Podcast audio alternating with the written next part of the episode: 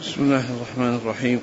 الحمد لله رب العالمين والصلاة والسلام على عبد الله ورسوله نبينا محمد وعلى آله وصحبه أجمعين. أما بعد فيقول الإمام أبو الحسين مسلم بن الحجاج القشيري النيسابوري رحمه الله تعالى في كتابه المسند الصحيح قال حدثنا عبيد الله بن عمر بن ميسرة القواريري قال حدثنا يزيد بن زريع قال حدثنا سعيد بن أبي عروبة عن قتادة عن صالح ابن عن صالح أبي الخليل عن أبي علقمة الهاشمي عن أبي سعيد الخدري رضي الله عنه أن رسول الله صلى الله عليه وآله وسلم يوم حنين بعث جيشا إلى أوطاس فلقوا عدوا فقاتلوهم فظهروا عليهم وأصابوا لهم سبايا فكأن ناسا من أصحاب رسول الله صلى الله عليه وآله وسلم تحرجوا من غشيانهن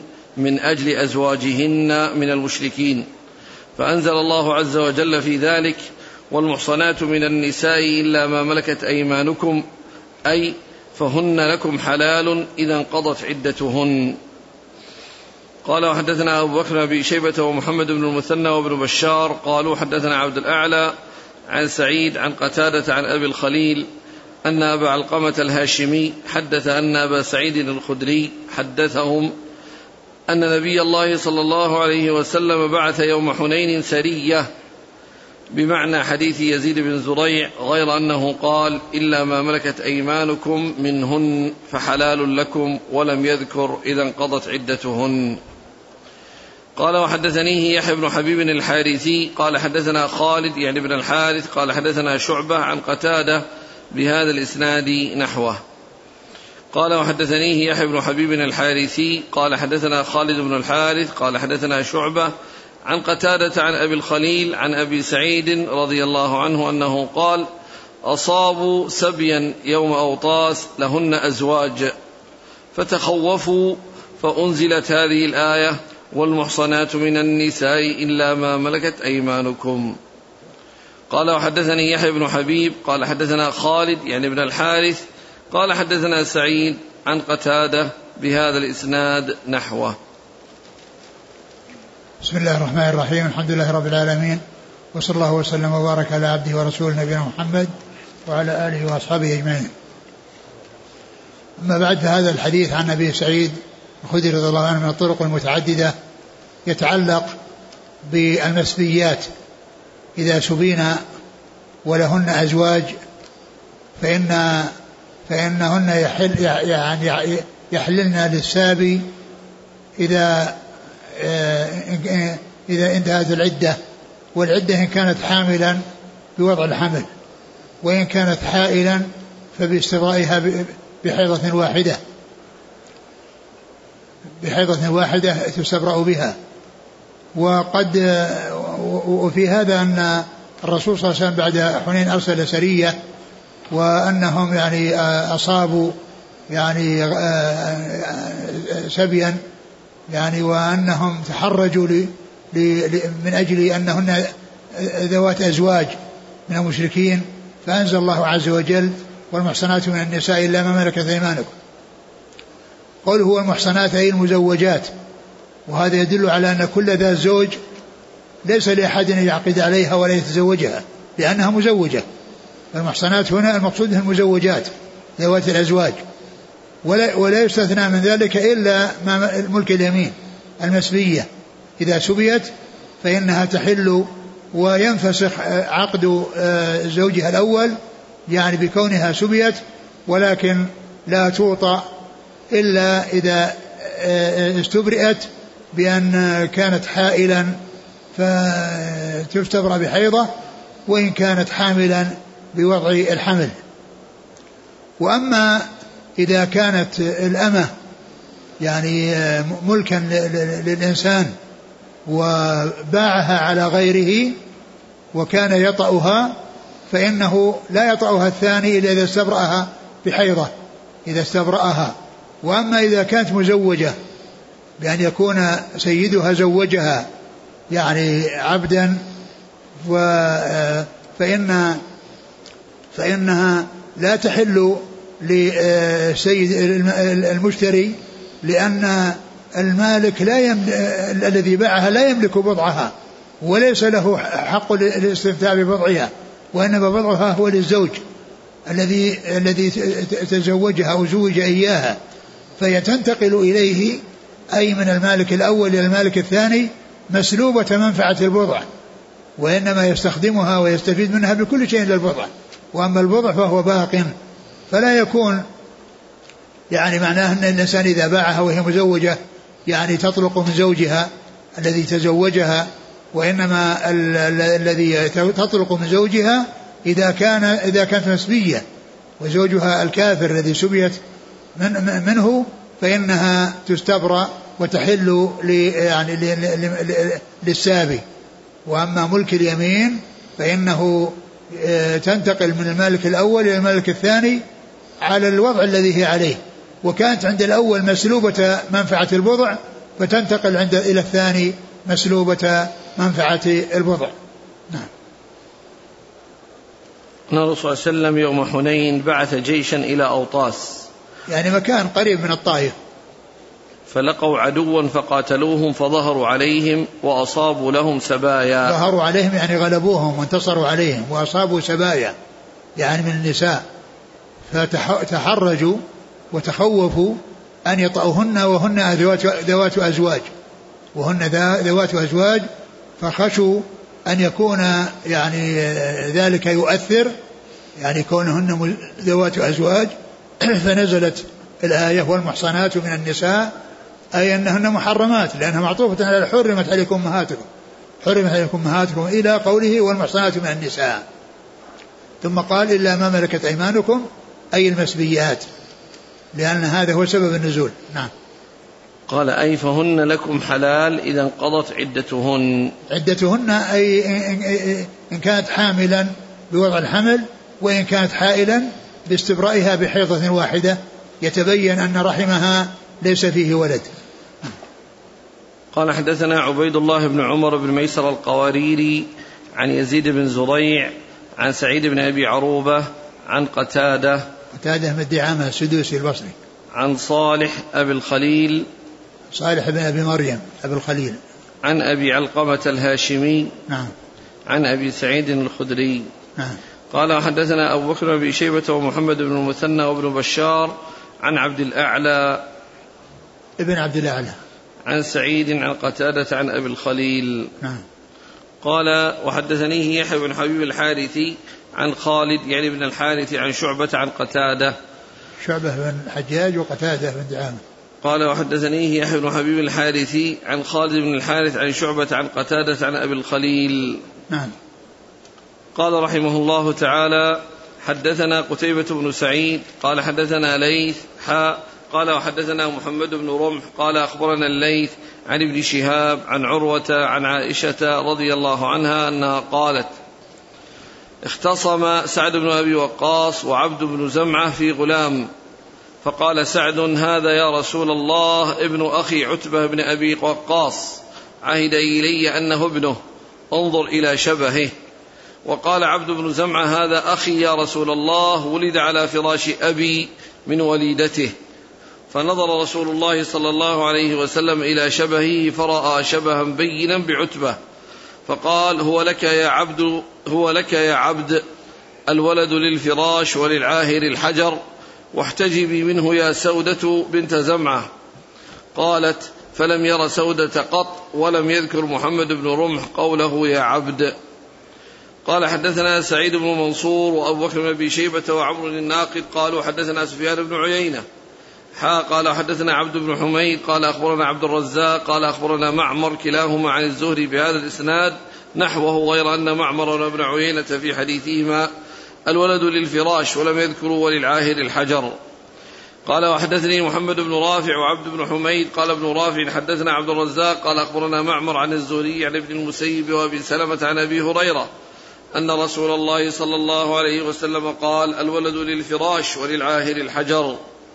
قال وحدثنا سعيد بن منصور وزهير بن حرب وعبد الأعلى بن حماد وعمر الناقد قالوا حدثنا سفيان بن عيينة عن الزهري أما ابن منصور فقال عن سعيد عن أبي هريرة وأما عبد الأعلى فقال عن أبي سلمة أو عن سعيد عن أبي هريرة وقال زهير عن سعيد أو عن أبي سلمة أحدهما أو كلاهما عن أبي هريرة.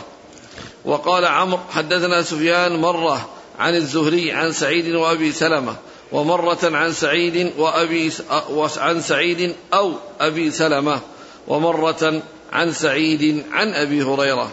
عن النبي صلى الله عليه وسلم بمثل حديث معمر. ثم ذكر هذا الحديث المتعلق بأن الولد للفراش وذلك أن الولد إذا كان يعني هناك زوجة أو أمة موطوءة فإن الولد يلحق بصاحب الفراش. وجاء فيه في هذا الحديث أن سعد بن أبي وقاص اختصمه عبد بن زمعة إلى رسول الله صلى الله عليه وسلم في يعني ولد يعني وليدة زمعة فقال سعد أنه, أنه ابن أخي عهد إلي به انظر إلى شبهه وقال عبد هو أخي ولد على فراش أبي. فالرسول صلى الله عليه وسلم رأى شبها بينا بعتبة. يعني معناه أنه يعني أخ أنه حصل له عن طريق الزنا. و وسعد ما كان يعرف يعني الحكم في ذلك. ولكن كون أخوه عهد إليه وقال يعني أن هذا ولدي أو أن الذي أتت به ابنة زعمة ولدي والرسول صلى الله عليه وسلم رأى شبها بي شبها بينا بعتبة ولكن آه، الولد ولد على فراش آه، زمعة وقال آه، صلى الله عليه وسلم لعبد هو لك يا عبد بن زمعة والولد للفراش وللعاهر الحجر. يعني الولد للفراش ما دام أن أن أنه ولد من من أمة موطوءة لزمعة فإذا هو صاحب صاحب الفراش هو مقدم. وهذا فيما أمكن. يعني إذا إذا كان أمكن وأما إذا كان شيء يعني لا يمكن أن يكون منه وذلك أن يكون الفراش يعني مثلا متأخر والولد يعني ولد ولد لأقل من ستة أشهر من صاحب الفراش فإن هذا يعني لا يكون ولدا لأن أقل مدة الحمل ستة أشهر. فالرسول صلى الله عليه وسلم غلب جانب الفراش والشريعة جاءت بالمحافظة على الأنساب وعدم ضياعها وأن من كان آه، ولد على فراش فإنه يلحق به سواء كان الفراش يعني من زوجة أو من أمة. وقال وللعاهر الحجر يعني العاهر هو الزاني يعني ليس له ولد ولا ينسب إليه ولد ولكن له الحجر يعني له الخيبة. ما يحصل إلا الخيبة. وهذا هو معنى قوله وللعاهر الحجر. وليس معنى ذلك أنه آه، الحجارة يرمى بالحجارة لأن الزنات لا يرمى بالحجارة إلا ما كان محصنا. أما ما كان بكرا ولم يحصن فإن حكمه أنه يجلد يعني مئة جلد ويغرب يعني سنة. هذا هو الذي جاء جاء في الكتاب والسنة فيما يتعلق بأحكام الزنات. وعلى هذا فإن قوله والعهد الحجر يعني له الخيبة لا يحصل ولدا وإنما يحصل الخيبة.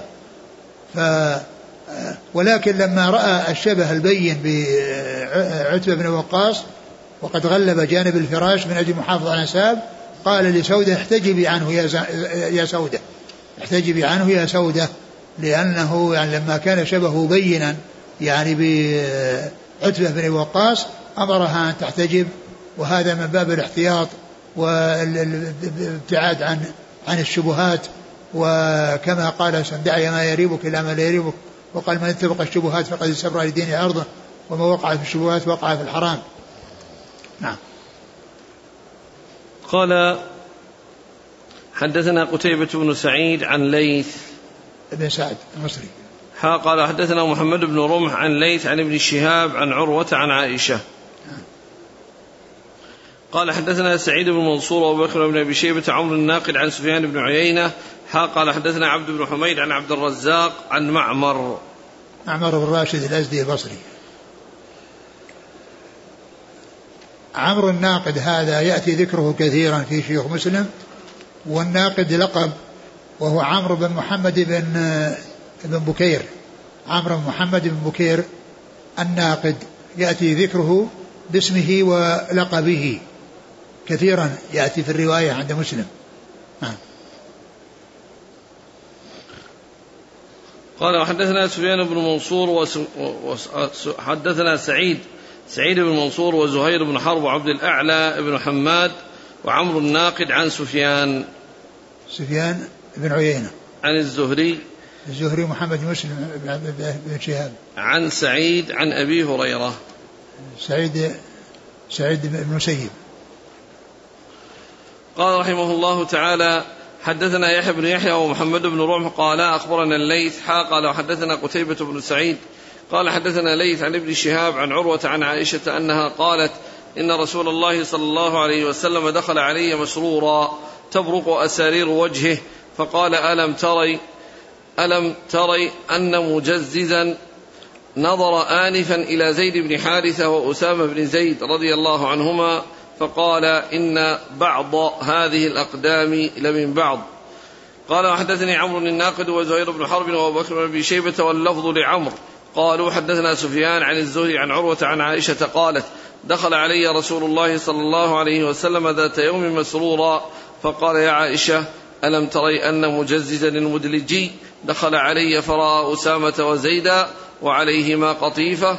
قد غطيا رؤوسهما وبدت أقدامهما فقال إن هذه الأقدام بعضها من بعض.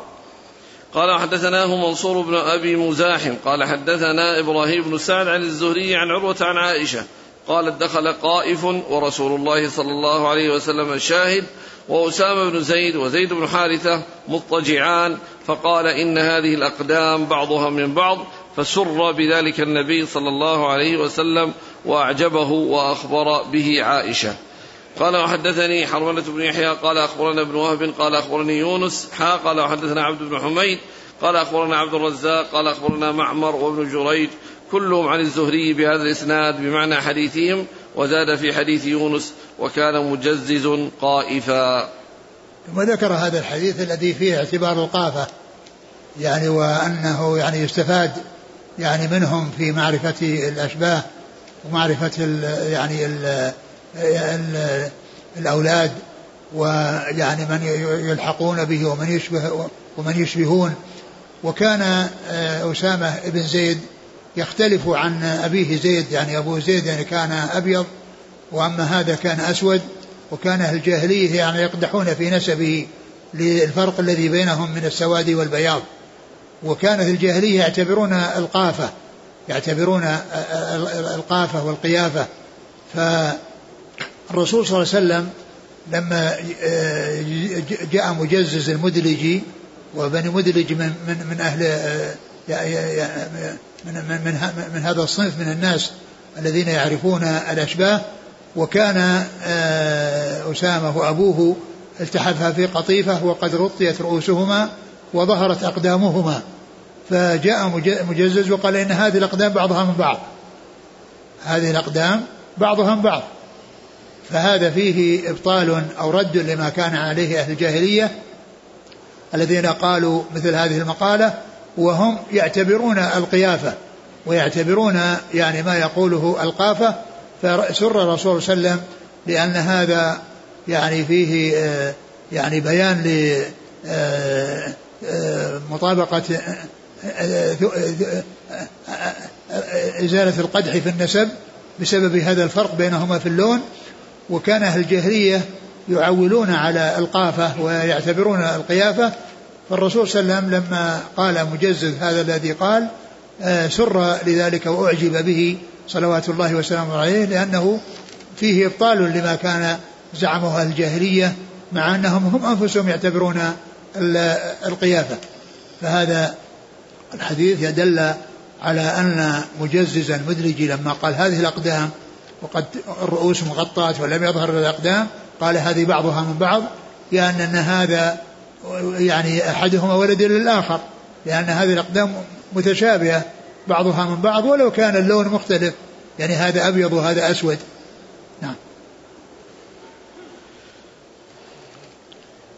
قال حدثنا يحيى بن يحيى ومحمد بن رمح عن ليث قال حدثنا قتيبة بن سعيد عن ليث عن ابن شهاب عن عروة عن عائشة.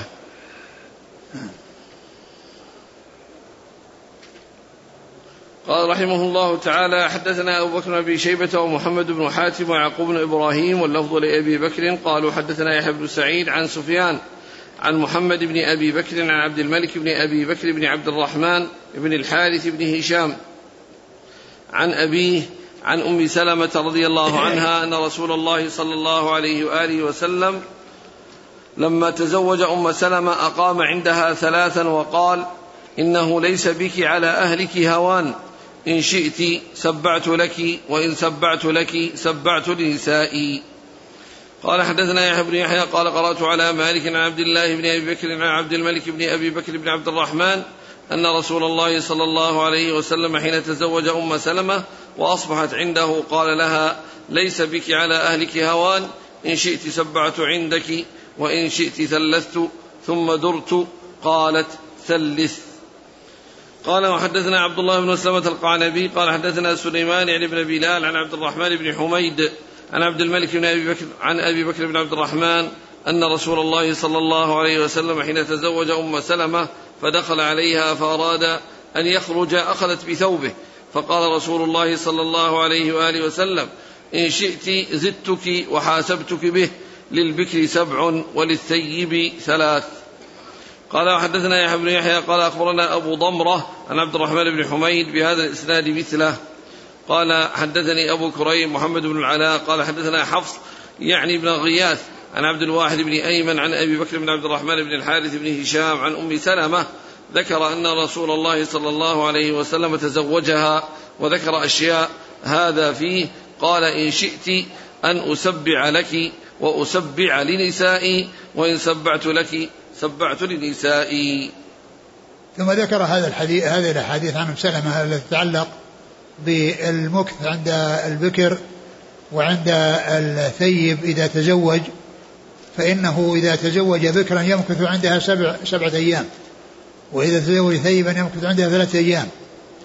وذلك هذه المدة يعني بمناسبة الزواج ولو كان عنده زوجات من قبل فإنه إذا تزوج بكرا وعنده زوجات من قبل فإنه يقيم عندها سبع. ثم يبدأ يعني يرجع إليهن ويبدأ كل واحدة ليلة. وإن كانت آه، ثيبا فإنه يقيم عندها ثلاث. ثم بعد ذلك يعني يطوف عليهن كل كل واحدة بيومها. فلما كان عند أم سلمة رضي الله عنها ولا أراد أن يخرج منها يعني مسكته وكأنها تريد منه زيادة أيام. فقال إن شئت يعني آه إن شئت آه سبعت لك وثم يسبع لنسائه. معناه أنه يعيش عنده سبعة أيام ثم يأتي كل واحد من نسائه عنده سبعة أيام. وإن شاءت أنها تبقى على ثلاثة أيام ثم بعد ذلك يذهب عند كل واحدة ليلة حتى يرجع إليها. فقالت ثلث يعني ما دام أنه سيطول أمده عليها لو جلس عندها سبع سيغيب عنها بعدد الزوجات يعني آه، سبعة أيام فإن كونه يغيب عنها يجلس عندها ثلاثة أيام ثم يأتي عند كل واحدة ليلة سيرجع إليها بسرعة وبفترة وجيزة بخلاف ما لو كانت أقام عندها سبعا ثم سبع لنسائه. وجاء في بعض الروايات أنه ليس بك هوان على أهلك والمقصود بأهله بأهل بأهلها الرسول صلى الله عليه وسلم يعني فالرجل هو أهل لأهله والمرأة هي أهل هي أهل للزوج فإنه ليس بك هوان ولكن إن أردت آه، أن أسبع لك سبعت لنسائي ويأتيها بعد أن يدور عليهن كل واحدة سبعة أيام وإلا يبقى عندها ثلاثة أيام ثم يرجع إليها بعد فترة وجيزة لأن كل واحدة يبقى عندها ليلة ثم يرجع إليها. نعم.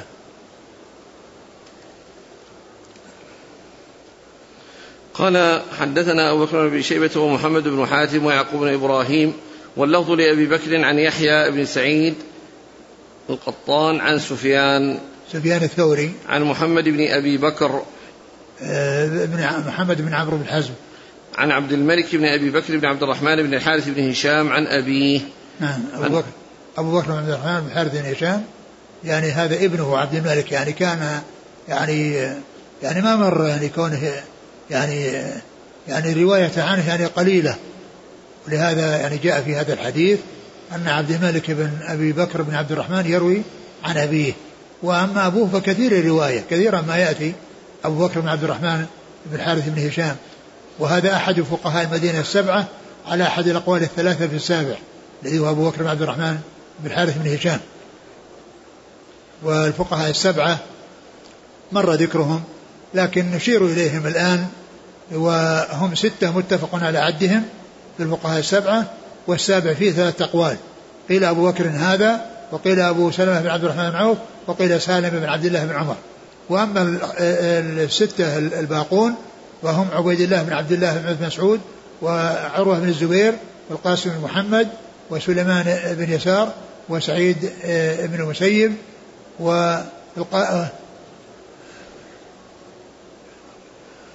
وخارجة بن زيد بن ثابت. نعم. قال وحدثنا يحيى بن يحيى عن أبي ضمرة. أبو ضمرة هو أنس بن عياض. قال حدثنا يحيى بن يحيى قال أخبرنا هشيم عن خالد عن أبي قلابة عن أنس بن مالك رضي الله عنه أنه قال إذا تزوج البكر على الثيب أقام عندها سبعا وإذا تزوج الثيب على البكر أقام عندها ثلاثا. قال خالد ولو قلت إنه رفعه لصدقت ولكنه قال السنة كذلك. قال وحدثني محمد بن رافع قال حدثنا عبد الرزاق قال أخبرنا سفيان عن أيوب وخالد الحذاء عن أبي قلابة عن أنس قال من السنة أن يقيم عند البكر سبعا. قال خالد ولو شئت قلت رفعه إلى النبي صلى الله عليه وسلم. يعني إذا كان الزوج عنده زوجات من قبل يعني فإنه إذا كانت الزوجة الجديدة يعني بكرا يقيم عندها سبع. وإذا كانت ثيبا يقيم عندها ثلاث. كما مر في يعني قصة أم سلمة وكونها أرادت أن يسبع لها وقال لها ما قال عليه الصلاة والسلام. وهذا يعني جاء فيه أنه قال من السنة. وكلمة من السنة هذه مثل قال رسول الله صلى الله عليه وسلم كذا. لأن الصحابي إذا قال من السنة كذا فإن ذلك يحمل على أنها سنة الرسول صلى الله عليه وسلم وهو في حكم مرفوع. ولهذا قال يعني لو قلت أو لو قلت قال الرسول صلى الله عليه وسلم كذا إيش اللفظة؟ قال ما لو لو لو قلت أنه رفعه لصدقت ولكن لو قلت أنه رفع يعني قال قال الرسول صلى الله عليه وسلم كذا. يعني رفعه قال قال رسول الله أو سمعت رسول الله لصدقت. ولكن اللفظ الذي قاله من السنة والسنة يعني هي آه، لفظ في حكم المرفوع. يعني في حكم قال رسول الله صلى الله عليه وسلم كذا. لأن الصحابي إذا قال من السنة كذا فالمراد به سنة الرسول صلى الله عليه وسلم وهو مرفوع. قال حدثنا يحيى بن يحيى عن هشيم بن بشير الواسطي. عن خالد خالد الحذا خالد بن مهران الحذا عن أبي قلابة عبد الله بن زيد الجرمي. عن أنس بن مالك. نعم. قال حدثنا محمد بن رافع عن عبد الرزاق عن سفيان عن أيوب.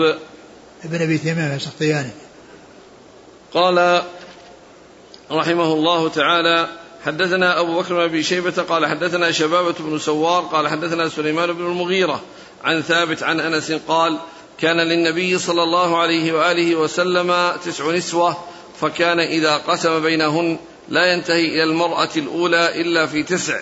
فكن يجتمعن كل ليلة في بيت التي يأتيها فكان في بيت عائشة فجاءت زينب فمد يده إليها فقالت هذه زينب فكف النبي صلى الله عليه وسلم يده فتقاولتا حتى استخبتا استخبتا. حتى استخبتا وأقيمت الصلاة فمر أبو بكر على ذلك فسمع أصواتهما فقال اخرج يا رسول الله إلى الصلاة واحث في أفواههن التراب.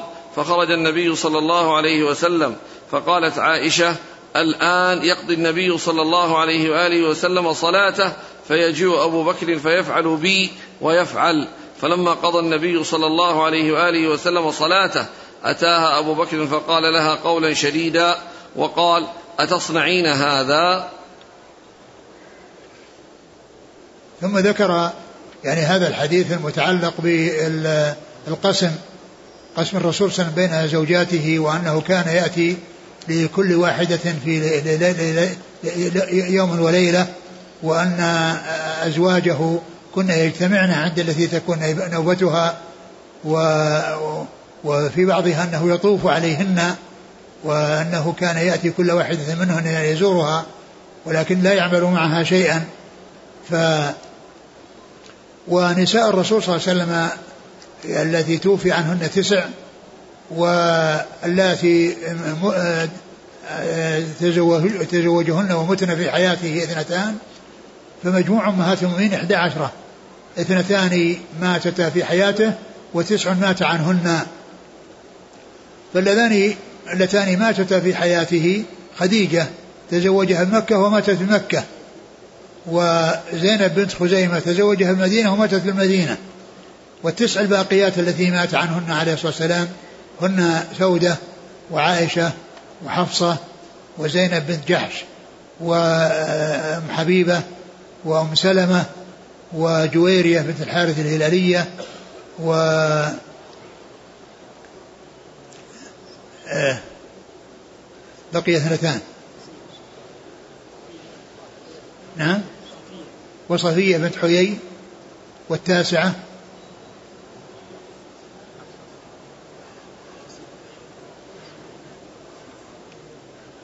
بقي بقي التاسعة. ميمونة بنت الحارث الهلالية. هذه تسع توفي عنهن رسول الله صلى الله عليه وسلم. وكان يقسم بهؤلاء التسع لأنهن اجتمعن يعني في يعني في عصمته عليه الصلاة والسلام فكان يقسم بينهن وكان يعني عند عائشة رضي الله عنها وقد اجتمعنا وجاءت زينب فمد يده إليها فيعني يعني غضبت عائشة وتكلمت وحصل بينهما الكلام وقيل إن مد يده إليها لأنه كان في ظلام وأنه كان يحسبها يعني عائشة التي هي صاحبة المكان وأنه حصل التقاول بينهما وكل واحد تكلم على الثانية حتى جاء وقت إقامة الصلاة وجاء أبو بكر وقد سمع أصواتهما مرتفعة فقال يعني طلب من النبي صلى الله عليه وسلم يخرج الصلاة وأن يحذو في وجوههن في أفواههن التراب يعني أنه يسكتهن يعني كناية عن المبالغة في إسكاتهن وعدم يعني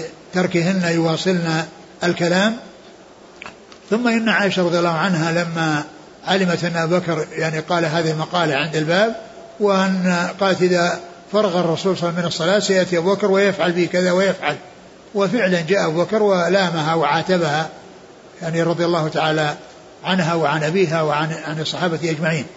الحاصل أن الرسول صلى الله عليه وسلم كان عنده تسع وأنه كان يقسم بينهن وأن كل واحد يأتيها في يوم وليلة وأنهن كن يجتمعن عند صاحبة النوبة وأحيانا كان يطوف عليهن ويزورهن ولكن لا يعمل معهن شيئا.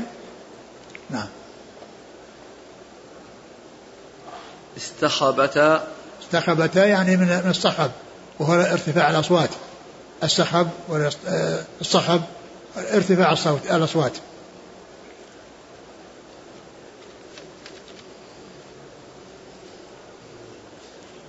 قال حدثنا أبو بكر بن شيبة عن شبابة بن سوار عن سليمان بن المغيرة عن ثابت عن أنس. ثابت بن أسلم بناني. نعم.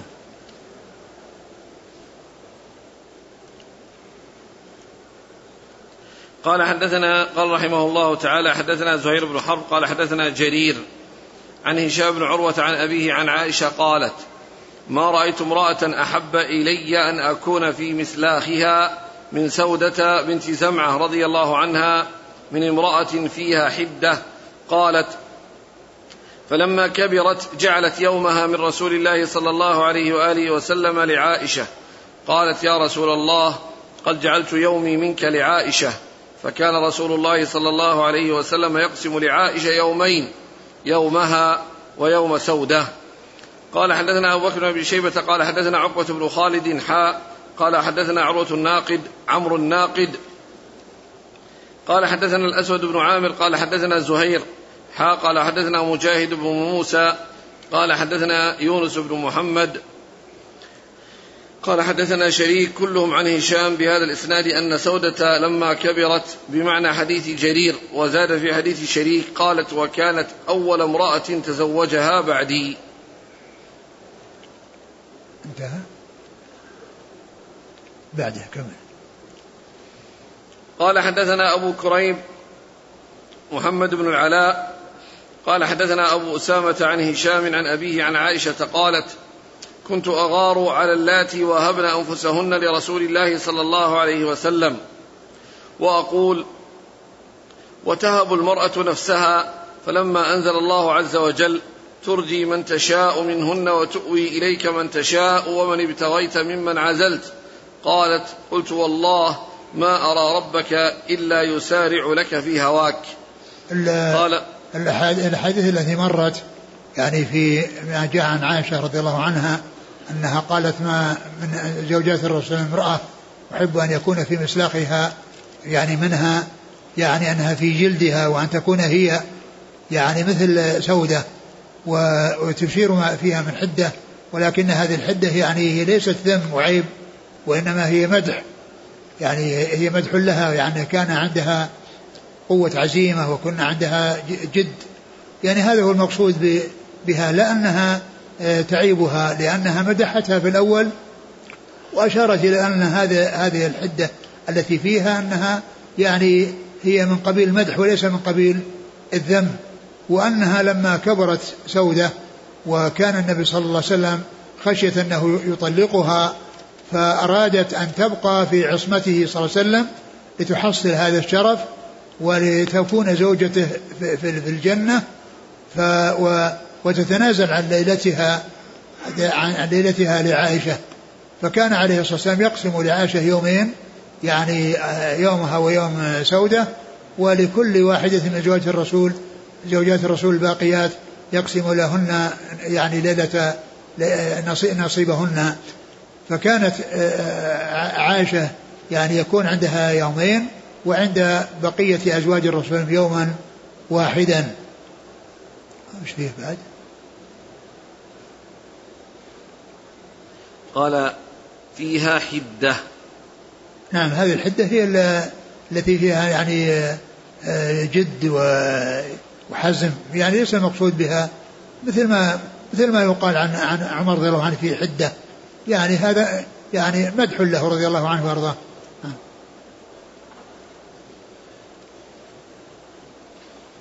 قالت وكانت أول امرأة تزوجها بعدي. هذه هذا قال يعني هذا جاء عن, عن, عن عنها عن عائشة لكن يعني قيل انها أنها متقدمة عليها وأن سودة يعني هي التي تلي تلي خديجة وبعدها عائشة عقد عليها بمكة ودخل عليها في المدينة ودخل عليها في المدينة فكانت هذه الثلاث الذين يعني التي حصل الزواج منهن بمكة التي خديجة وقد توفيت بمكة وسودة وعائشة وقد يعني آه، آه، حصل الزواج مكة واستمرت معه في المدينة إلا أن سودة لما كبرت وخشيت الرسول صلى الله عليه وسلم يطلقها آه، أرادت أن تبقى في عصمته لتظفر بهذا الشرف وأن تبقى من أمهات المؤمنين وأن تكون زوجته في الآخرة لأن زوجات النبي صلى الله عليه وسلم في الدنيا هن زوجاته في الآخرة رضي الله عنهن وأرضاهن. نعم. قال حدثنا زهير بن حرب عن جرير. بن عبد الحميد الضبي الكوفي. قال حدثنا عمرو الناقد عن الأسود بن عامر عن زهير. بن معاوية. قال وحدثنا مجاهد بن موسى عن يونس بن محمد عن شريك. بن عبد الله النخعي.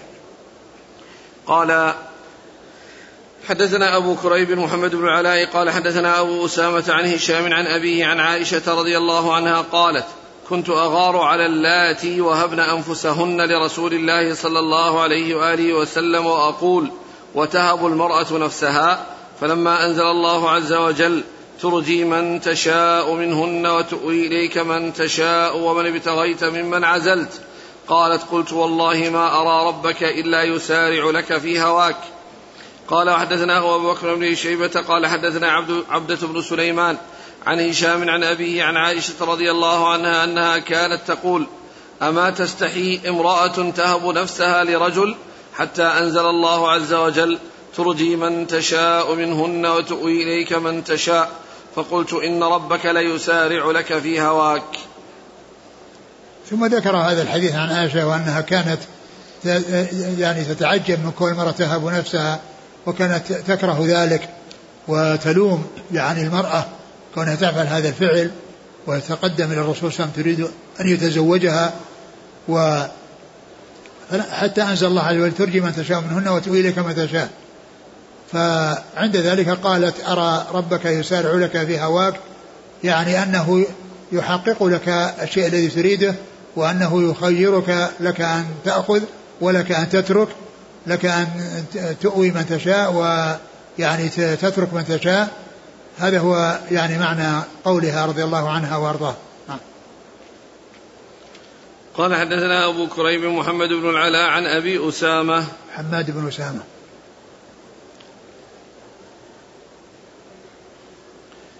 قال حدثنا إسحاق بن إبراهيم ومحمد بن حاتم. قال محمد بن حاتم حدثنا محمد بن بكر. قال أخبرنا ابن جريج.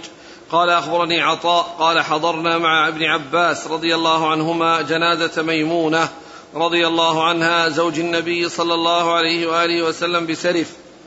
فقال ابن عباس هذه زوج النبي صلى الله عليه وسلم فإذا رفعتم نعشها فلا تزعزعوا ولا تزلزلوا وارفقوا فإنه كان عند رسول الله صلى الله عليه وآله وسلم تسع فكان يقسم لثمان ولا يقسم لواحدة. قال عطاء التي لا يقسم لها صفية بنت حيي بن أخطب. قال حدثنا محمد بن رافع وعبد بن حميد جميعا عن عبد الرزاق عن ابن جريج بهذا الإسناد وزاد. قال عطاء كانت آخرهن موتى ماتت بالمدينة. انتهى؟ نعم. ثم ذكر يعني هذه الأحاديث المتعلقة ب بكون الرسول صلى الله عليه وسلم كان يعني يقسم يعني بين نسائه أو يطوف على نسائه وأنه كان يعني يعني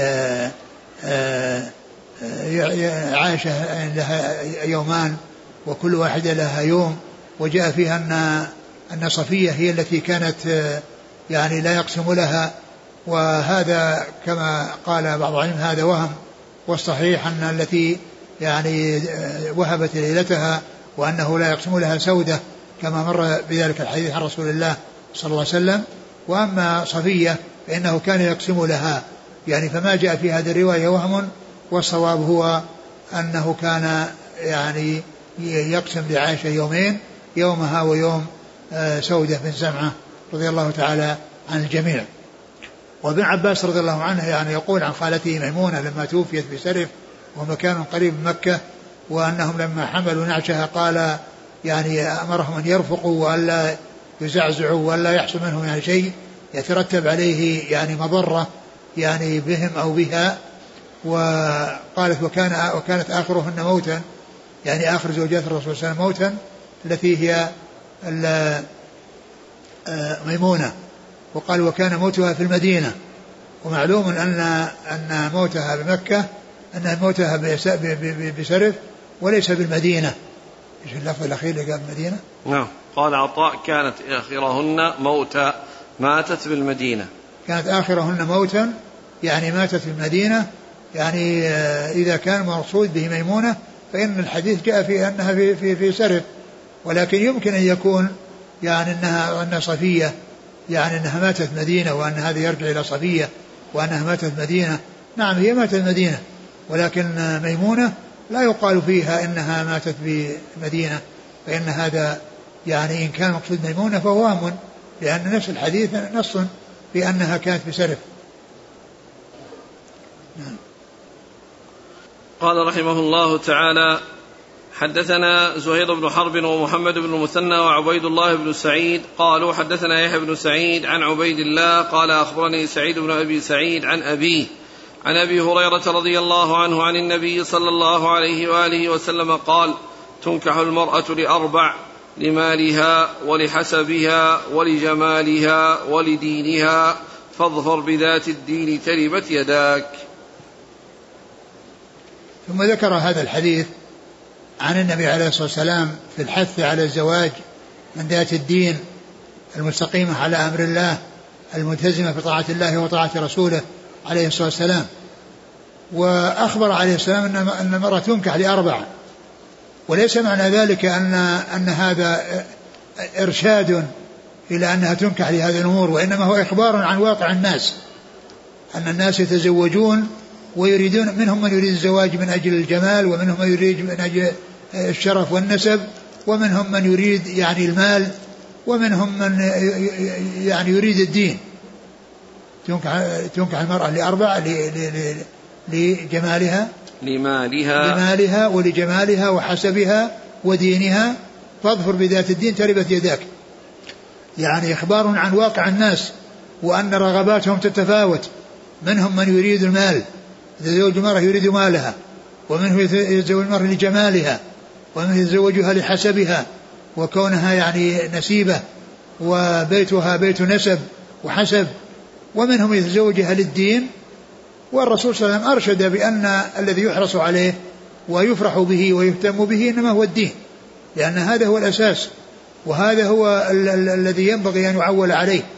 وأما الجمال ويعني والمال وغير ذلك هذه وإن كانت يعني آه، فيها فائدة والناس يرغبونها إلا أن توجيه الرغبة إلى ذات الدين هو الذي أن يكون ينبغي أن يكون همة الإنسان آه الذي يعني يحرص على أن يحصل من هي الزوجة الصالحة.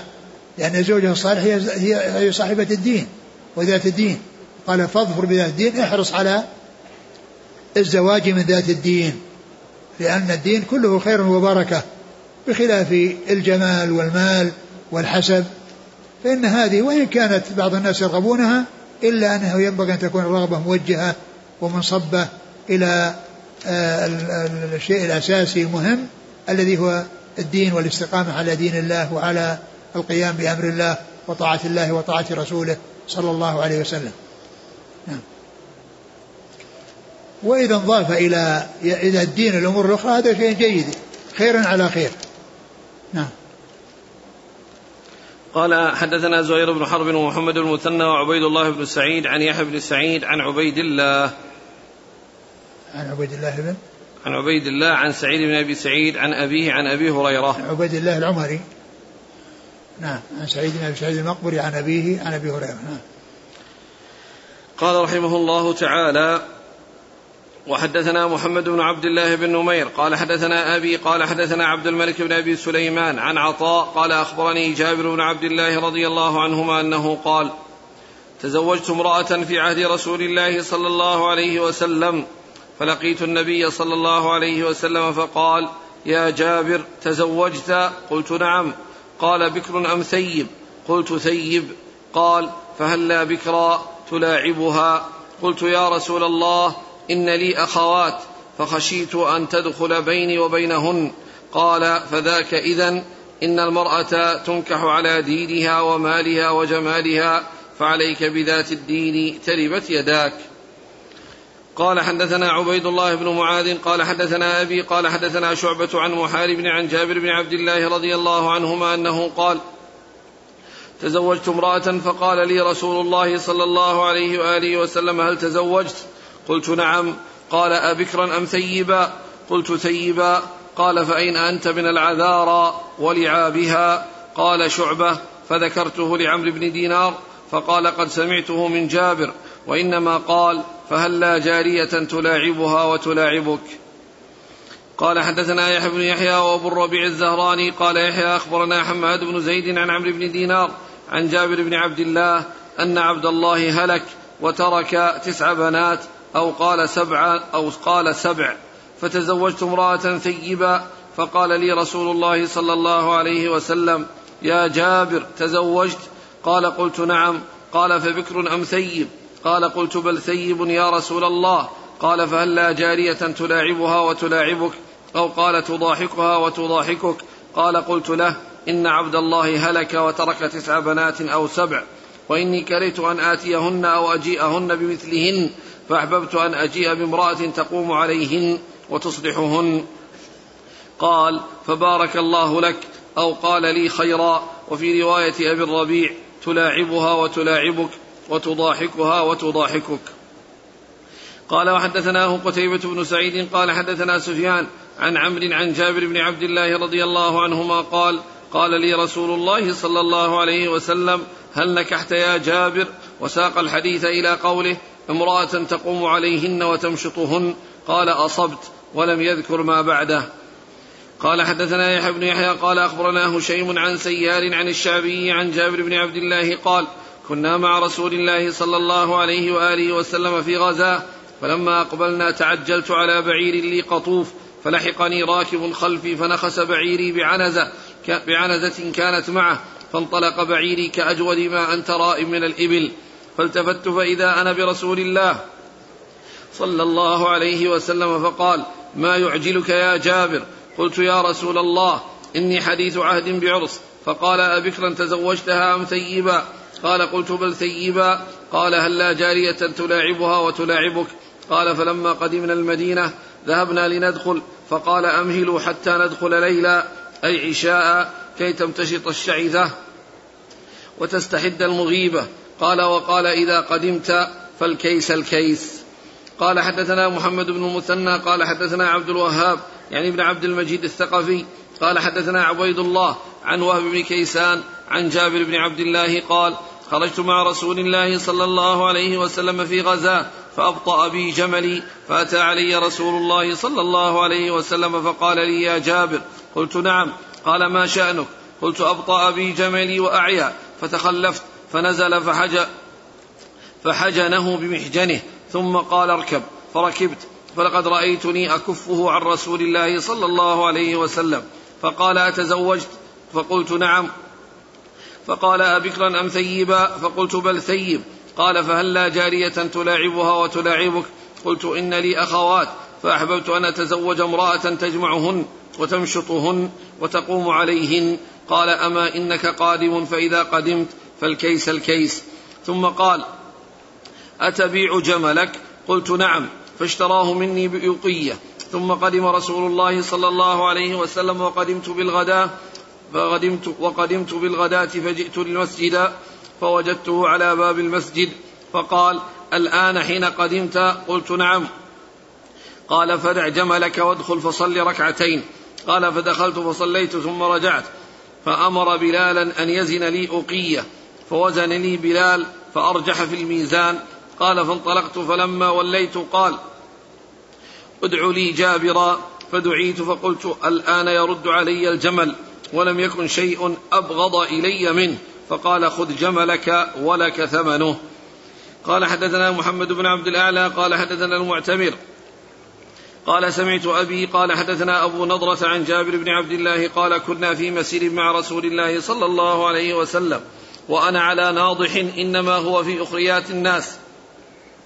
قال فضربه رسول الله صلى الله عليه وسلم أو قال نخسه أراه قال بشيء كان معه.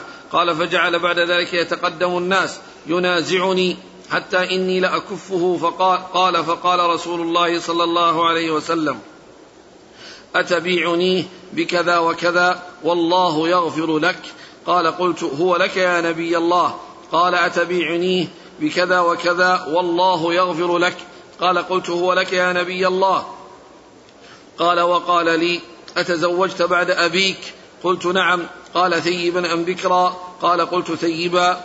قال فهلا تزوجت بكرا؟ تضاحكك وتضاحكها وتلاعبك وتلاعبها. قال أبو نضرة. فكانت كلمة يقولها المسلمون يقولها المسلمون افعل كذا وكذا والله يغفر لك. ثم ذكر هذه الأحاديث عن جابر رضي الله عنه المتعلقة بزواجه بعد وفاة أبيه من امرأة ثيب وقد سأله الرسول صلى الله عليه وسلم عن زواجه بعد وفاة أبيه وأخبره بذلك وقال هل بكرا تلاعبها وتلاعبك وتضاحكها وتضاحكك؟ وهذا يدل على ما كان عليه الرسول صلى الله عليه وسلم من تفقد أحوال أصحابه وسؤاله عن أحوالهم وما يحصل لهم. وفيه آه يعني الحث على زواج الأبكار و آه، أرشد النبي صلى الله عليه وسلم جابرا إلى ذلك. وفيه أيضا آه، زواج الكبير للصغيرة لأن جابرا يعني كان كبيرا وأرشده صلى الله عليه وسلم لا يتزوج بكرا. وفيه ما كان عليه جابر رضي الله عنه من من تقديم مصلحة أخواته على مصلحته. لأنه كان من مصلحته أن يأخذ بكرا ولكن مصلحة أخواته أن يأخذ ثيبا حتى تكون يعني كبيرة وأكبر منهن وعندها خبرة وعندها معرفة حتى تقوم بشؤونهن. وأحب أن لا يأتي بواحدة مثل مثلهن يعني بكرا يعني ما تكون عندها يعني تميز عليهن وخبرة يعني برعايتهن والإحسان إليهن. فكان من فضله رضي الله عنه وأرضاه أنه آثر آثر مصلحة أخواته على مصلحته الخاصة رضي الله عنه وأرضاه. وذكر فيه ما يتعلق بالجمل وأنه كان على جمل يعني يعني قد أعيا وأنه كان يتخلف عن القوم وأن الرسول صلى الله عليه وسلم جاء وهو, وهو وكان في الساقة عليه السلام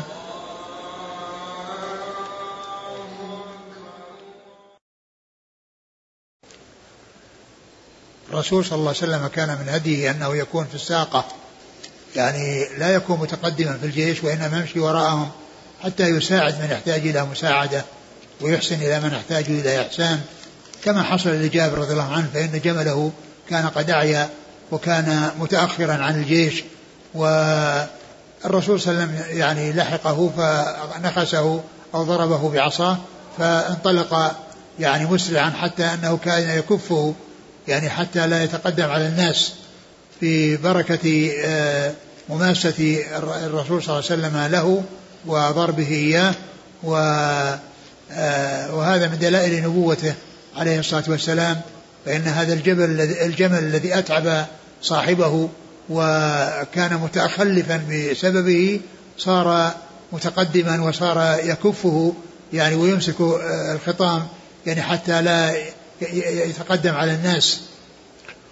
ف آه، ثم إنهم لما قدموا أو قربوا من المدينة قال أمرهم بأن ينتظروا يعني حتى يعني تستحد المغيبة وتمتشط الشعثة وحتى يدخلوا عشاء.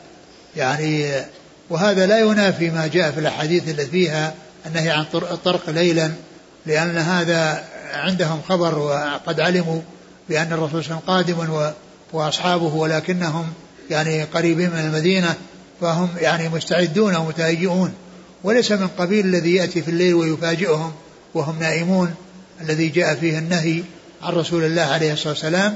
فإن هذا يعني يختلف عما يعني ما جاء في النهي عن الطرق ليلا لأن هذا شيء معلوم أن الرسول صلى الله عليه وسلم وأصحابه قربوا وأنهم وصلوا ولكنهم يعني وهم ينتظرون وصوله عليه الصلاة والسلام.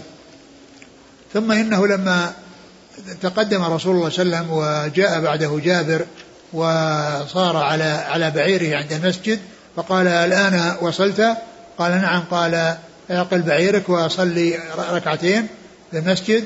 فصلى وخرج وأمر وكان قد اشتراه منه صلى الله عليه وسلم بأوقية وأمر بلالا أن يزن له يعني هذا المقدار وأرجح يعني يعني أرجح بالوزن ثم إنه لما ولى طلب رجوعه فقال خذ جملك ودراهمك يعني أنه أعطاه الدراهم التي اشترى بها الجمل وأيضا أعطاه الجمل صلوات الله وسلامه وبركاته عليه وهذا من كمال أخلاقه وحسن معاملته صلوات الله وسلامه وبركاته عليه. شيء شيء آخر؟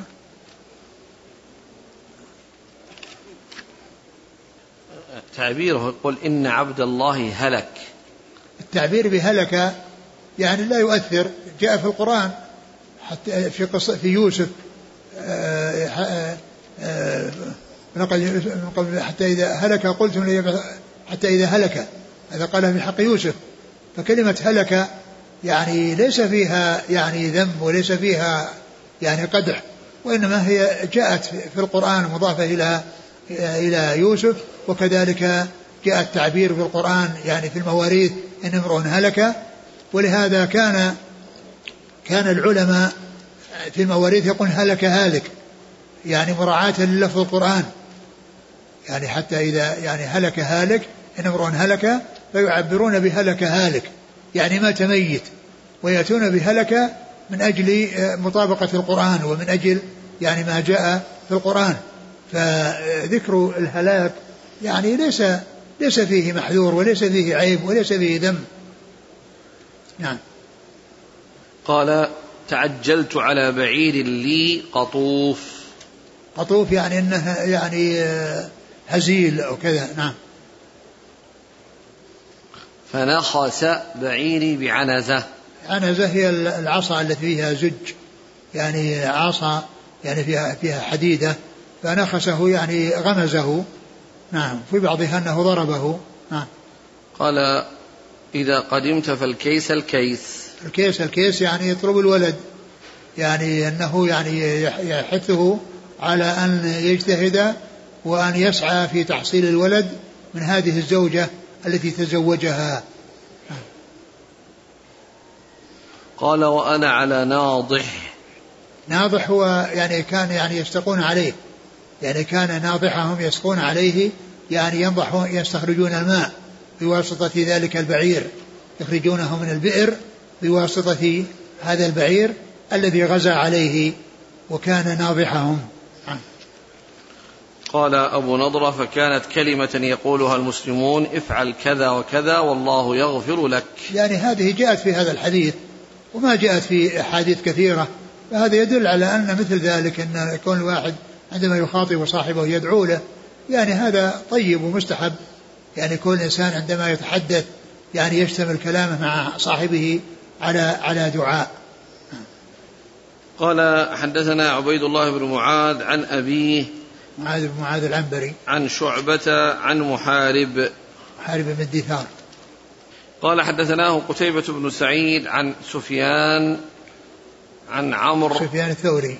لا سفيان بن عيينة. عن عمرو عن عمرو جابر. عن عن, عن عمرو بن الحارث عن عمرو بن عمرو بن دينار. قال حدثنا يحيى بن يحيى عن هشيم عن سيار أبو الحكم. عن الشعبي. عامر بن شراحيل. قال حدثنا محمد بن عبد الأعلى عن المعتمر بن سليمان. عن أبيه سليمان عن, بن طرخان. عن أبي نضرة المنذر بن مالك بن قطعة. عن جابر.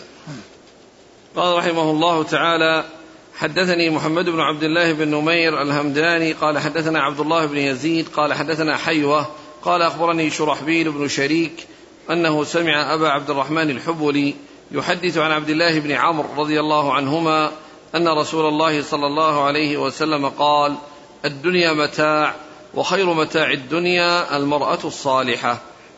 ثم ذكر هذا الحديث المتعلق ببيان أن المرأة الصالحة هي خير متاع الدنيا. قال الدنيا متاع وخير متاعها الزوجة المرأة الصالحة الزوجة الصالحة. وقد مر يعني في الحديث قال أظفر بذات الدين تربت يداك. يعني فالزوجة الصالحة هي التي هي مستقيمة على أمر الله وملتزمة بشرع الله. ف فهي خير متاع الدنيا. نعم. قال حدثني محمد بن عبد الله بن, بن نمير الهمداني عن عبد الله بن يزيد عن حيوة. عبد الله بن يزيد المقري الذي مر المكي عن حيوة بن بن شريح المصري. عن شرحبيل بن شريك عن أبي عبد الرحمن الحبولي. وهو يزيد بن عبد الله بن يزيد. عبد الله بن يزيد. عن عبد الله بن عمرو. نعم. الوصية بالنساء. والله تعالى أعلم وصلى الله وسلم وبارك على عبده ورسوله نبينا محمد وعلى آله وأصحابه أجمعين. هذه الأحاديث التي قرأناها اليوم كلها ليست هي موجودة في كتاب الرضاع وهي ليست من الرضاع في شيء. ليست تتعلق بالرضاع. ومعلوم أن أنه يعني أحيانا يذكرون الكتب ويكون فيه أشياء ملحقة به وتابعة له. وله بعض المؤلفين يقول باب في كذا وغيره. يعني إشارة إلى يعني أشياء تتعلق بغير الموضوع الذي نص عليه. فهذه الأحاديث التي قرأناها اليوم من باب النسبية يعني وما وراءها كلها ليست متعلقة بالرضاع جزاكم الله خيرا وبارك الله فيكم. ألهمكم الله الصواب ووفقكم للحق شافاكم الله وعافاكم ونفعنا الله بما سمعنا وغفر الله لنا ولكم وللمسلمين أجمعين. آمين.